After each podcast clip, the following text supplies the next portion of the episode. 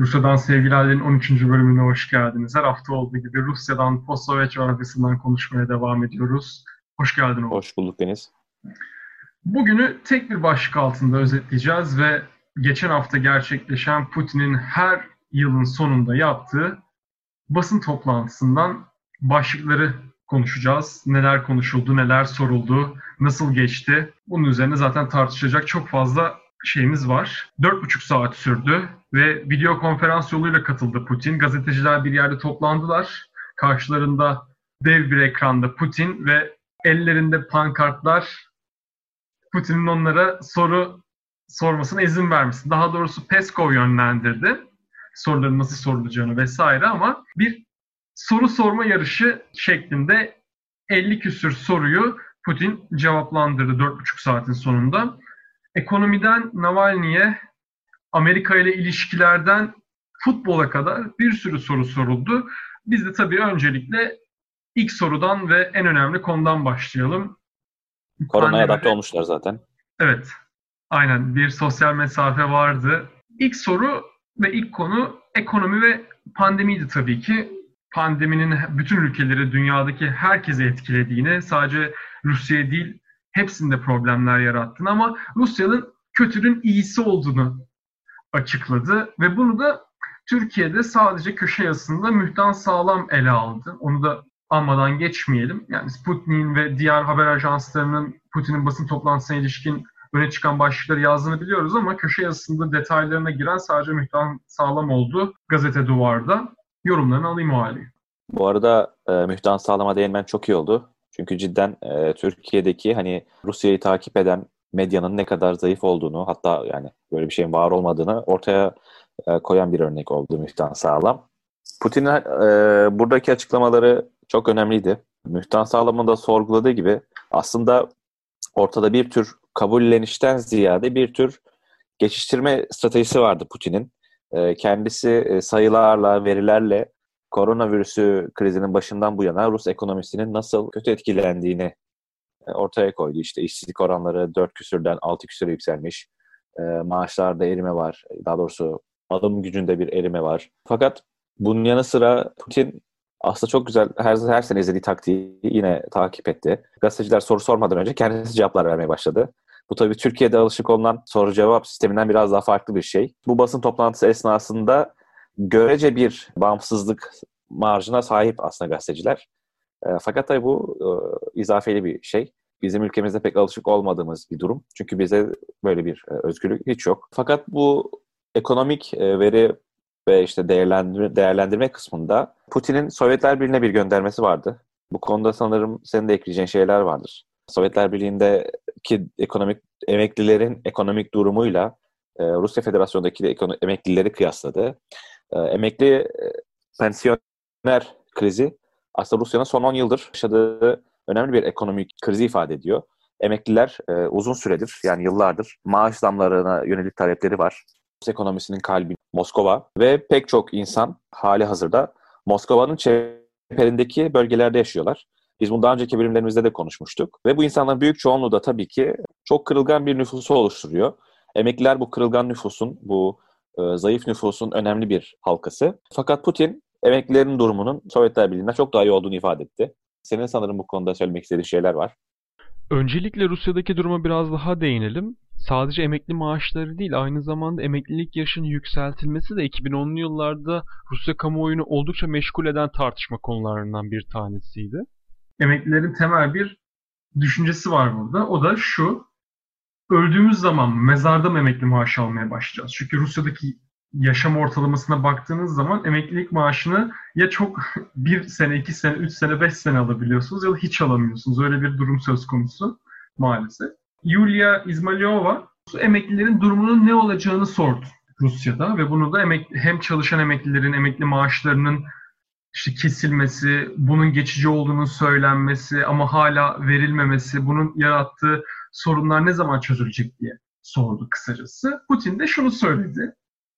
Sovyetler Birliği'nde çalışan emeklilere aslında zaten hiç emekli maaşının ödenmediğini iddia etti. Bu iddia olunduktan sonra tabii ki ben de kontrol etme ihtiyacı hissettim. Çünkü çok net bir bilgi sahibi değilim bu konuda. Ki Sovyetler Birliği Bakanlar Konseyi'nin 31 Aralık 1969 günü yayımladığı bir kararı buldum ve o karardan başladı zaten şu çalışan emeklilere emekli maaşı nasıl ödenecek? İşte bazılarına %75'i ödeniyor, bazılarına %50'si ödeniyor, bazılarına tamamı ödeniyor.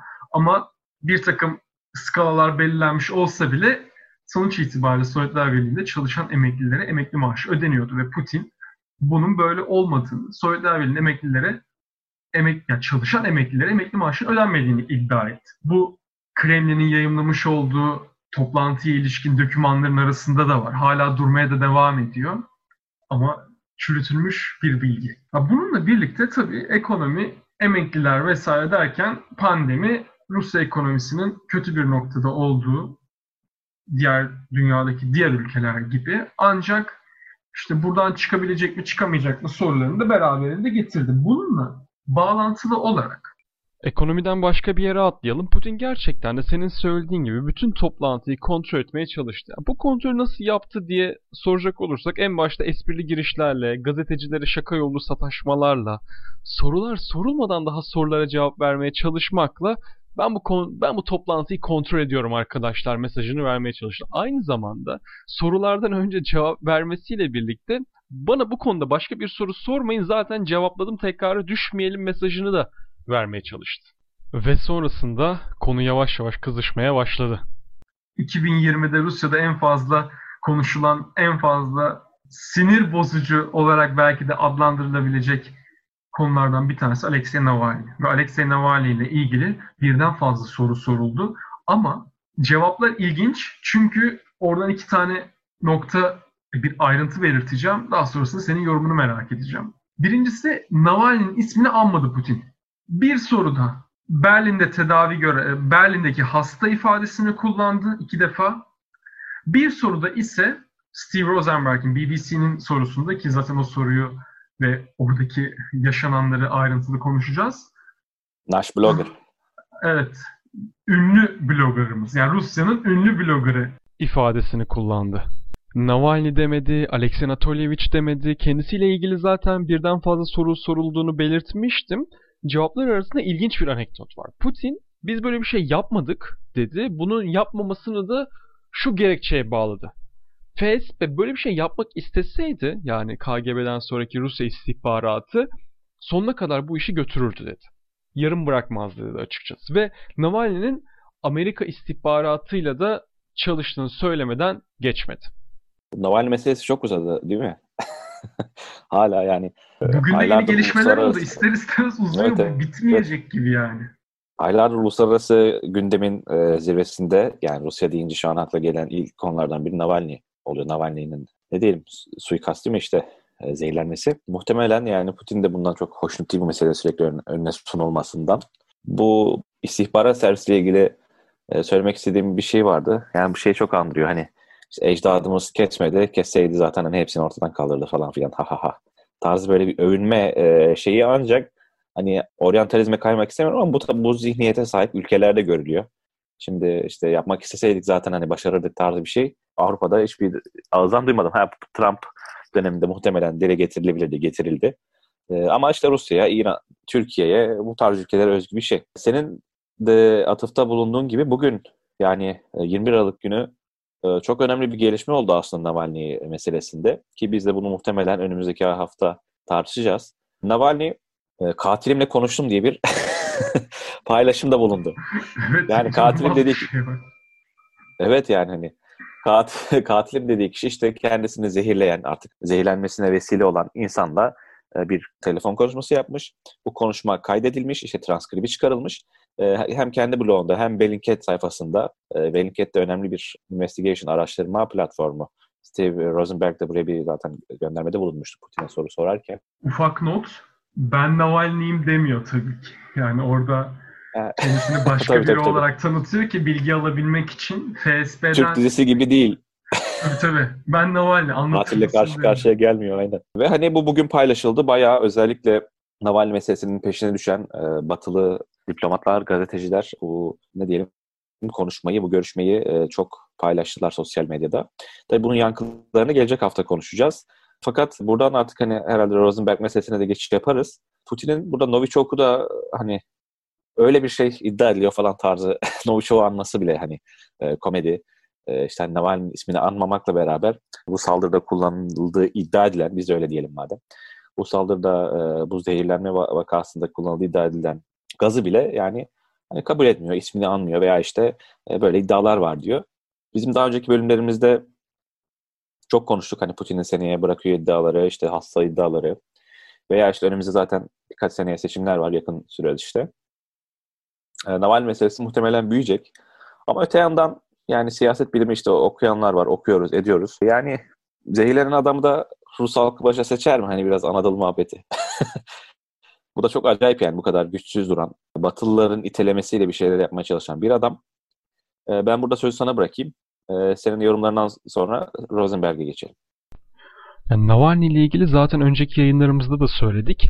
Gençler arasında oldukça popüler. YouTube'a bir video koyduğu zaman saatler içerisinde milyon izlenmeye ulaşabiliyor.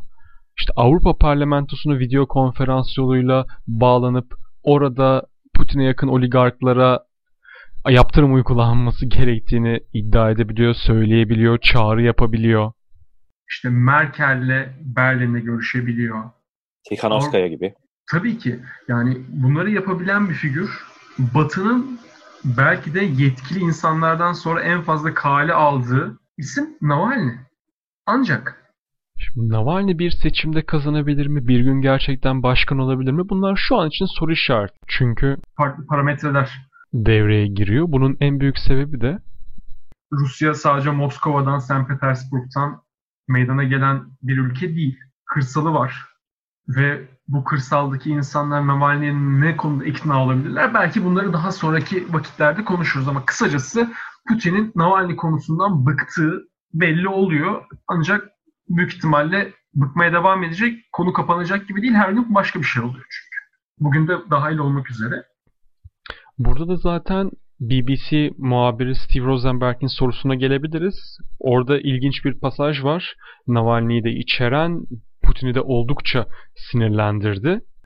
Steve Rosenberg aslında en basitiyle şunu sordu. İşte yeni bir soğuk savaş tanımlanıyor ve Rusya sürekli olarak dış güçleri suçluyor. İşte başta Amerika, İngiltere, NATO olmak üzere. Sorusu da şuydu. Rusya gerçekten sütten çıkmış ak kaşık mı diye sordu. Ve Putin'in cevabı yavaş yavaş sertleşmeye başladı. Hani böyle eğlenceli başlayan bu basın toplantısının gerildiği anlardan bir tanesidir bu. İşte Rusya Federasyonu çıkarları için her şeyi yaparım dedi. Size göre tabii ki de çok daha temiziz dedi. Bunu da şu örnekle dile getirdi. Sovyetler Birliği'nin dikte ettiği ülkeler kendi bağımsızlıklarını, özgürlüklerini istedikleri zaman onlara izin verdik ve onların istediklerini yapmasını sağladık dedi. BBC burada diktatörlük ifadesini kullanıyor çevirirken. Ancak ikimiz evet, de ortak düşünüyoruz. Yani hem İngilizce çevirisinde... öyle çevrilmiş. Tabii tabii. Hep İngilizce çevirisinde, yani İngiliz servisinde diktatörlük olarak geçiyor. Türkçe servisinde diktatörlük olarak geçiyor. Biz burada dikte etme durumunu kullanıyoruz. Yani diktatörlükten Hayır. bahsetmiyor. Sovyet diktatörlüğünden Diktat, yani. Yönetmek, hani dayatmak, yönetmek. Evet. Böyle olmadığı kanaatindeyiz ikimiz de. Yani Rusya'dan sevgilerle böyle söylüyor mesela. Neyse. Tamam bu kısımdan sonra Putin artık daha birazcık da suçlayıcı ifadeler kullanmaya başladı. Ne dedi? İşte biz bunu yaptık ama siz ne yaptınız? İşte Batı sözünü tutmadı. Batı ne yaptı? Gittikçe bizim sınırlarımıza doğru gelmeye başladı dedik kısacası. Çünkü Sovyetler Birliği dağılırken Gorbaçov'un özellikle Almanya'nın birleşmesinde bir takım sözler almıştı. O sözler neydi? Doğu Almanya ve ileri kısımlara NATO geçmeyecek. Orası bir tarafsız bölgeymiş gibi düşünülecek komünizm sonrası ve Soğuk Savaş'ın sona ermesi sonrası. Ancak bunun böyle olmadığını Putin de kısacası şöyle dedi. Siz bizi kandırdınız dedi. Sonrasında iş Navalny'e geçti. Çünkü Steve Rosenberg'in sorusunun diğer kısmı Navalny ile ilgiliydi. Bana bunu açıklar mısınız dedi Putin. Novichok kullanıldığını söylüyorsunuz ama niye bize bununla ilgili belgeleri iletmiyorsun? Bu sefer soru soran Steve Rosenberg'in yerine Putin Steve Rosenberg'e sorular sormaya başladı. Steve Rosenberg de Putin'i dinlerken daha sonrasında tek bir hareketle maskesini çıkarttı. Sert bir hareket olarak algılanabilir görüntülerde de. Ve burada gazeteci olan benim. Soruları ben soruyorum. Siz de cevaplayan kişisiniz dedi. Bunun üstüne Putin özür diledi ve tamam o halde sizin sorduğunuz sorulara cevap vermeye devam edeyim dedi. Şimdi ben basın toplantısını canlı bir şekilde takip etmeye çalıştım ve 4,5 saatin en gergin anı hangisidir diye soracak olursa bizi dinleyenler cevap bu kısımdır. Ee, Rosenberg'i bu arada eğer takipçilerimiz arasında takip etmeyen varsa Twitter'da önerilir. Kendisi yıllardır hani e, Rusya'da muhabirlik yapan bir isim ve her gün Rus medyasından bir e, seçme haberler e, hazırlıyor. Rus gazetelerinden e, bir hani ne diyelim genel bakışta öne çıkan başlıkları e, paylaşıyor. Bunu old evet, school yani yapıyor bu arada lafını yapıyor. bölüyorum ama old school yapıyor. Yani matbu gazeteleri masaya diziyor. Evet, Kal- evet. Kalemle onları çiziyor. Oradan işte fotoğraflarını çekiyor vesaire anekdotlarını paylaşıyor. Çok gergin ama izlemesi komik anlardı.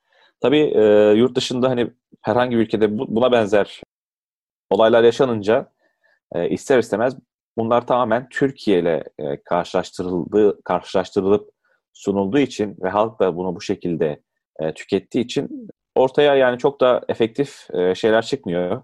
Yani böyle bir olay yaşanıyor işte 4,5 saatlik basın toplantısında. Fakat biz buna sadece işte AK Parti, Tayyip Erdoğan e, perspektifinden bakınca hani ortaya basın özgürlüğü, işte Rusya'da basın özgürlüğü var. Türkiye'de yok gibi eksik ve yanlış, e, hatalı çıkarımlar sunuluyor. Putin'in oradaki şey davranışı, özür dilerim deyişi aslında e, çok hoş. Tabii ki çok hoş. E, fakat o da bir taktik. Hani hem ortalama yumuşatmaya çalışıyor hem kendisi yani senin başta bahsettiğin gibi esprilerle akışı e, sağlamaya çalışıyor. Fakat eksik bir çerçeve sunuyor bu video bize. Çünkü dediğim gibi Türkiye'deki kullanıcıların bakış açısı bu perspektif oturuyor. Soruya ve cevap tarzına gelirsek aslında Putin'in bu söylemleri hiç yeni değil. İşte 13 senedir Münih'teki konuşmasından bu yana dile getirdiği hususlar bunlar. Ee, Avrupa'nın, daha doğrusu e, NATO'nun ve elbette AB'nin doğu genişlemesi e, Rusya'yı çileden çıkaran ve bir nevi bugünkü konumuna getiren uluslararası gelişmeler oldu. Rusya'nın bugün tırnak içinde agresif görülmesinin sebebi tamamen bu doğu genişlemesine verilen tepkilerden ibaret. Bu sebeple yeni değil fakat muhtemelen Putin e, sinirlenerek e, o hani poker face'ini e, bir kenara bırakarak hata etti orada. Bir gazeteci siz hani sanki İngiltere'nin temsilcisi, Birleşik Krallığı'nın temsilcisiymiş gibi siz siz siz diye yüklenerek kendisi için pek de hoş bir şey yapmadı orada. Fakat dediğim gibi sonuçta bizim Türkiye'deki tüketiciler, medya tüketicileri bunu çok daha farklı bir açıdan yorumladılar. Ee, ama yine de e, insanların tepkisini görmek çok hoştu. Burada Son üç meseleye daha değinmek istiyorum. Aslında biri kısa olacak. Putin'in kendisine yönelik iddialardan zaten az önce bahsettim ki geçtiğimiz haftalarda konuşmuştuk. 4,5 saat aralıksız böyle bir basın toplantısını gerçekleştirmesi de bu iddiaları üreten kişilere karşı hodri meydan demesiydi bir yandan. Aynı zamanda Putin'in bu basın toplantısına 10 küsür gün hazırlandığına ilişkin söylentiler de var. Bunun temel sebebi de soruların her yerden gelebilme ihtimali. Yani bir anda Ukrayna sorusuna cevap verdikten sonra sizin ekonomiyle ilgili soruyu cevaplamanız gerekiyor. Biden'la ilişkileriniz nasıl olacak sorusuna cevap verdikten sonra bir anda Navalny'ye atlayabiliyoruz. Burada ikinci meselemiz daha ilginç. Putin'in Recep Tayyip Erdoğan'la ilgili sözlerinin bir kısmı Sputnik tarafından kırpıldı. Putin Tayyip Erdoğan'la ilgili işte önemli konularda farklı görüşlere sahip olsalar bile kendisinin öngörülebilir bir lider olduğunu, ülkesini düşündüğünü, aynı zamanda kuyruğunu da sallamadığını söyledi. Bunu olumlu bir anlamda kullandı fakat Sputnik bu kuyruğunu sallamak deyimini görmezden geldi. Sanki hiç söylenmemiş gibi davrandı. Yani bu deyim üzerine sen daha e, güzel konuşacağına inanıyorum. Ben sadece e, yani Sputnik'in bu şeyine şaşırmadığımı söyleyerek yetinebilirim. Fakat buradan anlaşılan o ki e, demek ki Ruslar için şu an Türkiye ve Erdoğan kırılmak istenmiyor. Bu sebeple böyle bir e, şey, bu şekilde Türk okuyucuya, Türkiye'deki e, medya tüketicisine sunulmuş. E, fakat benim merak ettiğim bir şey, tabii bunun cevabını muhtemelen hiçbir zaman alamayacağız. Bizim dış işlerindeki ne diyelim tercümanlar, görevliler, katipler, e, Moskova'daki ekip Acaba bu toplantı ne kadar takip etti? Acaba ifadelerin e, ne kadarı e, işte İbrahim Kalın'a, e, İletişim Başkanı'na veya işte Tayyip Erdoğan'ın kendisine iletildi? E, ben sadece böyle bir soru işareti bırakarak sözü tekrar sana bırakayım. Açıkçası bilmiyorum. Bununla birlikte geçtiğimiz hafta Birleşmiş Milletler'de Rusya'nın vermiş olduğu bir tasarı vardı. Nazizmin yüceltilmesine karşı mücadeleye ilişkin ve iki ülke tarafından red oyu verildi. Bu durum basın toplantısında da Putin'e zaten sorulmuştu. Putin de bunu hatırlattı. Birincisi Amerika, ikincisi Ukrayna. Amerika'nın neden red verdiğini az çok anlayabilirsiniz. Çünkü böyle bir teklifin Rusya'dan gelmesi ister istemez onlar tarafından hoş karşılanmadı. Peki Ukrayna neden reddetti? Sana sormak istiyorum. Muhtemelen e, ilerleyen dönemde bu konuda bir yayın yapacağımızı düşünüyorum. E, çünkü e, eski Sovyet ülkelerinde ya da eski Doğu bloğu ülkelerinde Rusofobiyle ne diyelim Nazi sempatisi demeyelim ama Nazilerle işbirliği yapmış insanların e, tekrar tarihi karakterler olarak yüceltilmesi paralel giden bir süreç. İşte Polonya'da böyle bir şey var. Ukrayna'da var, Ermenistan'da var. E, Türk ülkelerinde Allah'tan yok. E, ve tabii ki Ukrayna bunun en çok görüldüğü ülke. Bununla ilgili Tony Judith'un e, çok güzel bir eleştirisi vardı. Bir Polonya Lehistanlı bir tarihçinin Lehistan tarihi üzerine yazdığı kitabı eleştirirken bu ülkelerde yani işte Ukrayna'da, Ermenistan'da ya da Polonya'da Nazi kolaboratörlerin yüceltilmesi aslında antisemitizmle beraber okunulmamalı. Tabii ki okunulmalı. İşte e, muhtemelen Ermenistan'da e, işte Yahudi karşıtlığı e, Azerbaycan'daki kadar düşük değildir vesaire vesaire. Fakat e, bu ülkelerdeki asıl itici güç Rusofobi. E, Rus nefreti, tarihe bakışta, e, milli kimliğin inşasında ne diyelim işte Ukrayna milliyetçilerinin, işte Polonya milliyetçilerinin ya da Ermeni milliyetçilerinin örnekler tabii ki çoğaltılabilir. İşte Türkistan lejyonları vesaire bunları unutmamak gerekir. Ruslara karşı aldığı pozisyon. E, Ukrayna'da da 2014'teki olaylardan beri pek çok merkezde işte eski Rus yöneticilerin, Rusça isimlerin silindiğini gördük. İşte heykellerin yıkıldığını görüyoruz. Bununla beraber 1918 itibariyle Ukrayna'yı işte önce bağımsız cumhuriyet kuran, daha sonra e, Nazi işgali döneminde de bunlarla kolaborasyona giren insanların tekrar rehabilite edildiklerini, heykellerin dikildiğini, isimlerinin meydanlara, şehirlere verildiğini görüyoruz. Ve bu süreç e, hani senin dediğin gibi aslında Ukrayna'nın Rus karşıtı, Rusya karşıtı bir tutumla öneri reddetmesiyle beraber bu e, Rusofobi önemli bir rol oynuyor. Ve bu da maalesef bu Doğu ülkelerinde Nazizmi, daha doğrusu e, Nazilerle işbirliği yapmış isimlerin yüceltilmesine sebep oluyor. Geçtiğimiz hafta mesela sosyal medyada bir nihalatsız tartışması vardı. Çok alakasız ama buradan bağlayacağım. İşte nihalatsız diyoruz. E, farklı isimler. Türkiye'de 40'lar itibariyle e, Turancılık ve anti-komünizm davasını beraber gütmüş insanların da aslında yaptığı buydu. Yani bu insanlar işte bir e, sosyal medya kullanıcısı nihalatsız antisemit demiş ve bir başka işte tarihçi adayı nihalatsız aslında antisemitizmle bilinmiyordu diye farklı bir görüş sunmuş. Cidden de e, Lehistan'da da işte Ukrayna'da da veya işte başka ülkelerde de e, antisemitizmden ziyade bunun yok bunun varlığını asla reddedemeyiz. Ama antisemitizmden ziyade bir Rusofobi var. Asıl itici güç bu Rus nefreti. Bunu da ayrı bir programda tabii ki arka planlarını tartışmak dahil olmak üzere konuşacağız.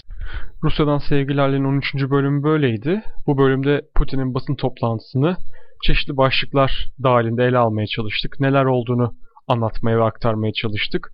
Bizi takip ettiğiniz için, dinlediğiniz için teşekkür ederiz. Kendinize iyi bakın, hoşçakalın diyoruz.